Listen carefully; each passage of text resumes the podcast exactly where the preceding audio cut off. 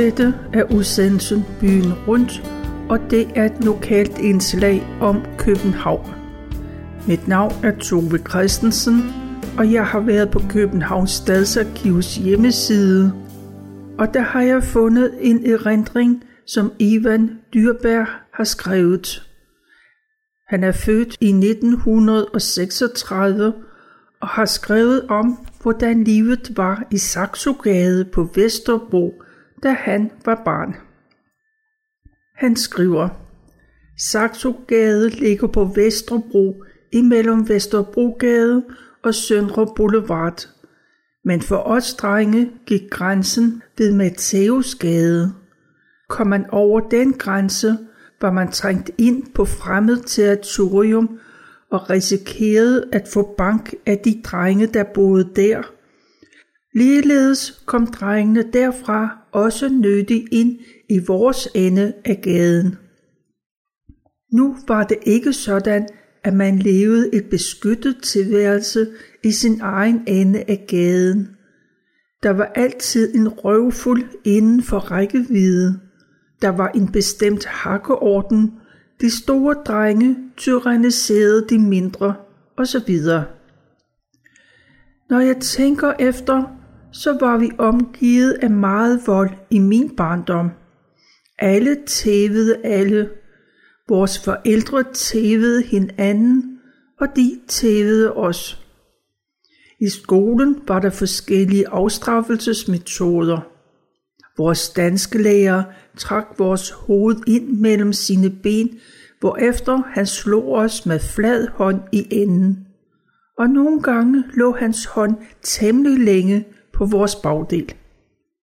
Vores sang- og religionslæger slog os i hovedet med buen af sin violin, og mens han slog, stak han altid sin tunge ud af munden. På et tidspunkt knækkede han violinbuen i kraniet på en af drengene. Det var ustyrligt morsomt, men vi turde ikke grine, for manden var så ophidset, at froden løb ham ud af munden.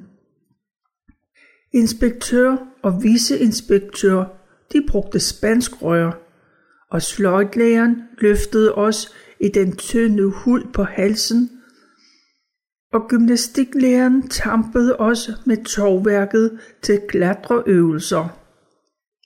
Det var også meget brugt at løfte os i ørerne, og jeg kan endnu se det for mig. Tykkebenet blev løftet i ørerne, så øreflappen løsnede sig. På gaden blev vi som regel tævet af de større drenge, og værtshusslagsmål hørte til dagsordenen. Vi boede i den pæne ende af gaden. Det sagde de voksne altid. Jeg ved ikke, hvorfor de kaldte den det. For mig at se var gaden ens hele vejen igennem. Beboerne lignede alle hinanden. Måske med undtagelsen af alfonserne, sortbørshandlerne og, og kortspillerne. De var bedre klædt. Del, delte man gaden op i længder på 100 meter, gentog forretningssammensætningen sig selv. Der var lige så mange husbetakler i vores ende som i den anden ende. Og salatfadet, politiets udrykningsvogn, de kom lige meget alle steder.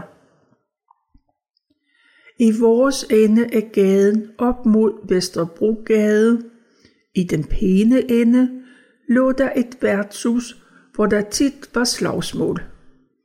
Så tumlede kombatanterne nogle gange ud på gaden og lå der og rullede rundt i hestepærer og deres eget blod. Det var sjældent, at nogen prøvede at skille dem ad. Tværtimod så dannede tilskuerne en ring rundt om de kæmpende og kom med tilråb. Af og til stoppede slagsmålet af sig selv, men nogle gange nåede politiet frem i den store udrykningsvogn og skiltede slagsbrødrene. De blev så taget med til Svenskades politistation. der lå et par gader væk. Havde slagsbrødrene været for genstridige ved afhentningen, så blev det fortalt, at de tre-fire betjenter, der havde hentet dem, gav dem en afklapsning inde i salatfadet. Og det er sikkert rigtigt nok, for nogle gange lød der nogle tumult inde fra vognen, når den forlod skuepladsen. Næsten al varetransport i gaderne, det foregik med hestevogn. Det var grunden til, at der lå så mange hestepæger foran værtshuset, for alle kuskene spiste deres frokost der. Udenfor stod der nemlig en vandpost, hvorfra hestene kunne få vand i spande, som kuskene holdt. Når hestene havde drukket, var det helt sikkert, at de skulle af med noget. Og det var helt utroligt, som sådan et par heste kunne urinere. Det hele nåede aldrig hen til kloakken, men sivede ned mellem brostenene, som hele gaden var belagt med, og man var aldrig i tvivl om, at her havde der stået et par heste. Når de havde drukket færdigt, fik de muleposer på med deres æde i, og kuskene gik ind på værtshuset. Hestene var meget rolige, selvom der var meget støj omkring dem. Men en gang imellem var det et af landet, der forskrækkede dem, og selvom bremserne på hestevognen var trukket, kunne de store, stærke heste nå at trække hele vognen hen ad gaden eller op på fortorvet, hvor de gående sprang for livet. Så kom kuskene farende ud af værtshuset og fik manøvreret heste og vogn på plads igen. Når hestene forlod området, lå der en betydelig bunke hestepærer. Det var ikke altid, de fik lov til at ligge. Gråsburve og duer de sorterede det spiselige fra, og en gang imellem kom en lille dame med en spand, en kost og et fejeblad. Hun samlede en spand fuld hestepærer, som hun gødede sine planter med. Det siges, at hun havde nogle meget kraftige potteplanter. Gråsburve og duer boede lige over værtshuset. Det var jo deres mad, der blev serveret hver dag på bestemt tid, undtagen om søndagen. Der måtte de lede efter føde andre steder. På den anden side af gaden holdt der som regel en trækvogn, der solgte forskellige varer, bestemt af årstiden. Grøntsager, frugt og blomster hørte til varesortimentet. En gang imellem gik gadehandleren over på værtshuset for at slukke sin tørst, og hvis vi unger kom forbi den ubeskyttede trækvogn, så smuttede der af og til et par æbler ned i vores lommer. Husmødrene, der ville købe noget hos sælgeren, ventede gerne til det var hen imod lukketid. Så blev varerne gerne sat drastisk ned, så han ikke skulle smide varerne ud. Dengang var de ikke langtidsholdbare. Et lille stykke ned ad gaden lå et likkistemagasin. Det havde fire store vinduer med udstillede kister og urner. Der skyndte vi unger os altid forbi. En gang imellem var bedemanden ude i forretninger i en af opgangene. Så stod der en åben kiste på afsatsen for neden af trappen, for kisterne kunne ikke kantes op ad trapperne. Bedemanden og hans hjælpere hentede den afdøde og bar ham ned i kisten, der stod og ventede i stueetagen. Når sådan en situation opstod, så overvejede jeg meget, om jeg skulle gå op, eller jeg skulle vente, til de kom ud af gadedøren med den lukkede kiste. Hvis jeg skulle op, stod jeg længe og lyttede, og var der nogen på vej ned, så kom jeg ud på gaden i en gevaldig fart. Af og til opdagede man først, at en enig var afgået ved døden, når det begyndte at lugte anderledes, end det plejede.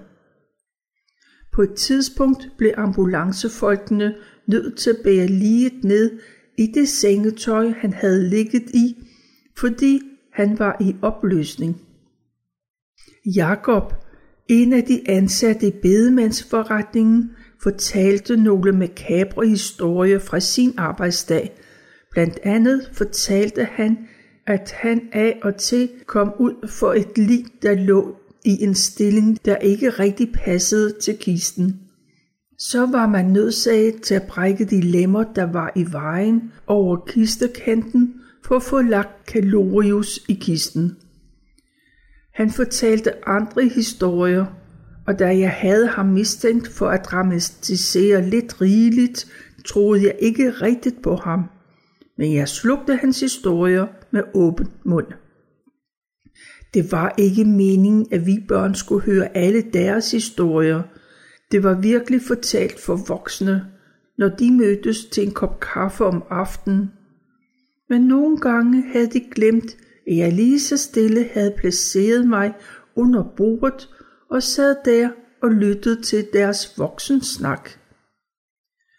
De historier, de fortalte, fik mig dog af og til til at komme frem fra mit skjulested med en anmodning om at komme i seng, fordi så blev historierne alligevel for barske. En aften var der besøg af en CB'er. Det var en slags vagtmand, der patruljerede i en bestemt område om natten.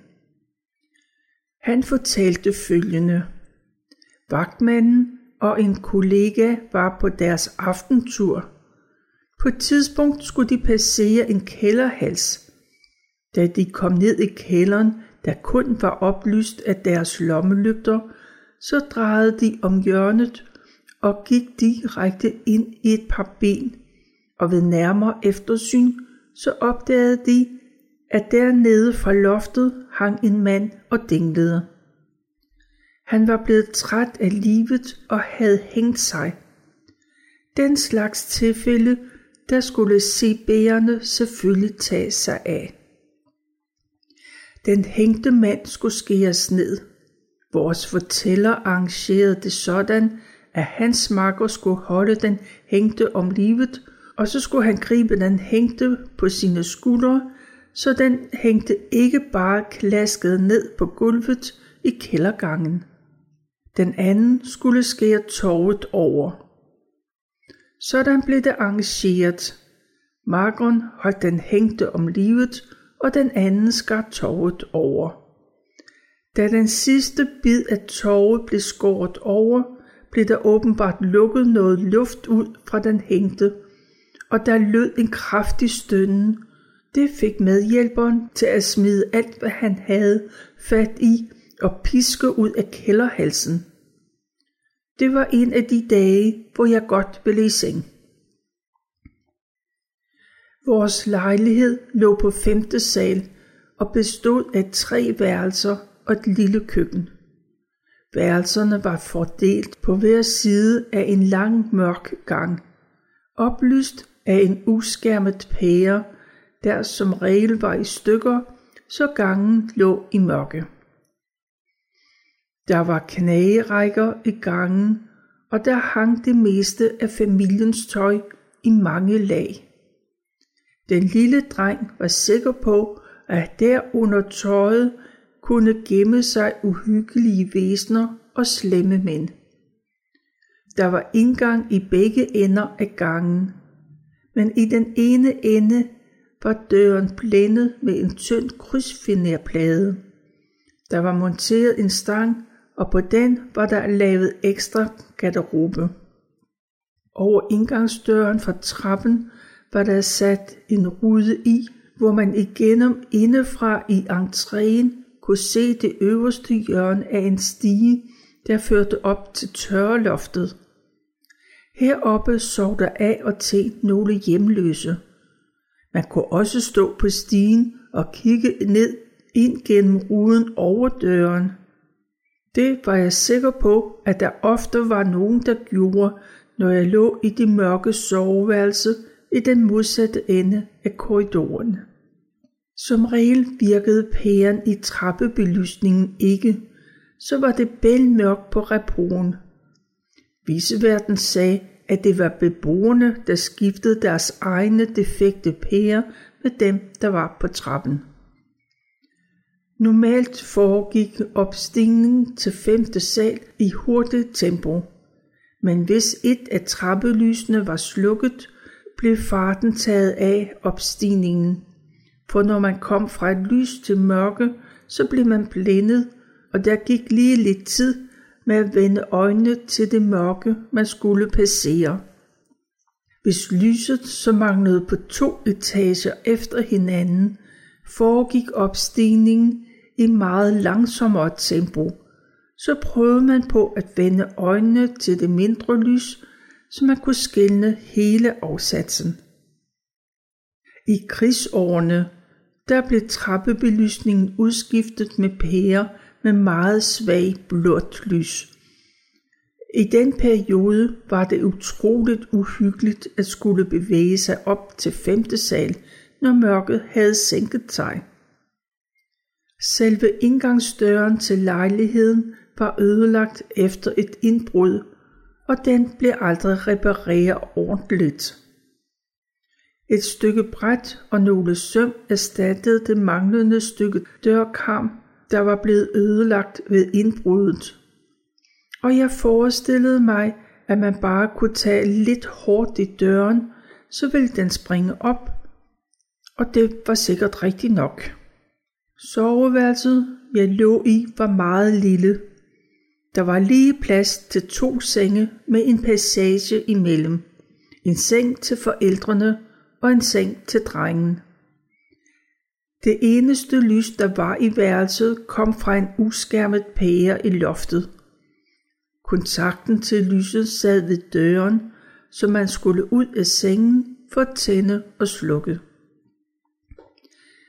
Der var ikke toilet i lejligheden, så der var anbragt en spand imellem sengene. Tapetet i rummet var gammel, men på et tidspunkt havde min far dubbet det hele med en rød maling, der kvikkede lidt op på det kedelige rum. Nu var det ikke for at dekorere rummet, at der var en plet malet. Det var simpelthen fordi hele ejendommen, ja hele gaden, var befængt med væggelus, og når man tværede den ud om natten, så kom der nogle grimme pletter. Dem så man ikke så meget, når der var pletmalet. Der var ikke rigtig nogen, der ville tage ansvar for væggelusene. Men på et tidspunkt blev det for meget, og en kammerjæger blev tilkaldt. En kammerjæger var en mand, der havde forstand på at bekæmpe utøj. Han beordrede alle beboerne ud af huset et par dage. Huset blev tætnet, og hele huset blev gasset. Det hjalp. Drengen vidste godt, at forældrene sad i stuen i den anden ende af den lange korridor, men han vidste også, at de af og til luskede ud, når de mente, at han sov. Men drengen vidste til gengæld aldrig, hvornår de var gået, så uanset om de var hjemme eller ej, var han bange for at ligge i det mørke værelse alene. Det begyndte altid med, at han vågnede ved at høre en lyd som et gulvbræt, der knirkede. Hvorefter kunne han høre skridtene nærmede sig værelset, han lå i. Han turde ikke skrige, han turde ikke røre sig af skræk for, at den person, der nærmede sig, skulle få øje på ham. Han krammede dynen op over munden, så man ikke kunne høre hans vejrtrækning. Og samtidig prøvede han på at få dynen op foran ørerne, så han ikke kunne høre lydene. Imens nærmede skridtene sig. Der skete aldrig noget men utallige var de gange, hvor den lille dreng lå redselslagen i sin seng. Bedst havde han det, når han og hans mor faldt i søvn i husets eneste lænestol i stuen og senere fuldtes ad i seng. Om morgenen kunne man til gengæld være hyggeligt i værelset, selvom det om vinteren var iskoldt. I nattens løb havde familiens ånde sat sig på ruderne, og der var dannet de smukkeste isblomster, som drengen kunne ligge i sin seng og betragte. Det var også en anden god ved soveværelset. Under taget var der en åbning, hvor en flok duer var flyttet ind. De vækkede drengen med deres vimodige korn. Det var nu ikke kun duerne, der vækkede drengen. I lange perioder var det faren, der vækkede drengen om morgenen. Det skete på den måde, at faren under sin morgentoilette i køkkenvasken. Han sang alle de forskellige melodier, der var på mode, som for eksempel om den, der handlede om en sømand, der vred sig i smerte på hospitalet, fordi han havde pådraget sig en kønssygdom. Derefter sang han en sang om en lille pige på et hospital, der ikke havde så lang tid tilbage, og så fulgte sølvpilen. Den handlede om ulykkelig kærlighed. Så fulgte en sang om en af landen, der skulle afsted. En, der vist nok ikke havde nået det, han skulle her i livet. Der fulgte en del sange efter, blandt andet om en for glem mig ej. Når han nåede den, steg hans stemme voldsomt, og ordene i den blev udtalt meget tydeligt, som om han reklamerede for sig selv. Jeg tror, der var en sne sange på hans repertoire. Han sang hver morgen, mens han ordnede sig, så han kunne komme ud og søge noget arbejde. Min far havde bronkitis, og især om morgenen havde han nogle gevaldige hosteanfald. Det kunne godt stoppe sangen nogle sekunder, men når hostefaldet var overstået, fortsatte han ufortrødent med at synge. Han fik noget håndkøbsmedicin for hosten. Det hed stærke norske brystdråber. Jeg tror, det dengang var noget opium i, så han drak det i spandevis. Min far arbejdede kun i korte perioder til stor sorg for min mor. Hun havde altid arbejdet, og som regel et ekstra arbejde ved siden af. Søndagene var de bedste. Der havde man både en mor og en far at gå tur med. Vi gik vejen igennem Frederiksberg Allé ud til Frederiksberg Have, eller hvis der var penge til det, til Zoologisk Have. Bagefter på vejen hjem blev der købt kager til kaffen, og det hele åndede idyl. På hverdage, der var jeg anbragt i en børnehave. Den havde til huse i den anden ende af gaden. Børnehaven lå i en fløj af Apostelkirken og blev styret med jernhånd af en nonne. Hvis vi var ulydige, blev vi lukket ind i et lille mørkt rum under en trappe, hvorfra vi blev hentet ud, når der var forældre, der begyndte at komme. Jeg havde denne børnehave, og det var nok årsag til, at jeg sammen med et par andre unger knaldede en række mosaikruder i kirkegangen. Jeg blev selvfølgelig opdaget, og for den synd inkasserede jeg en vældig røvfuld af min mors hånd.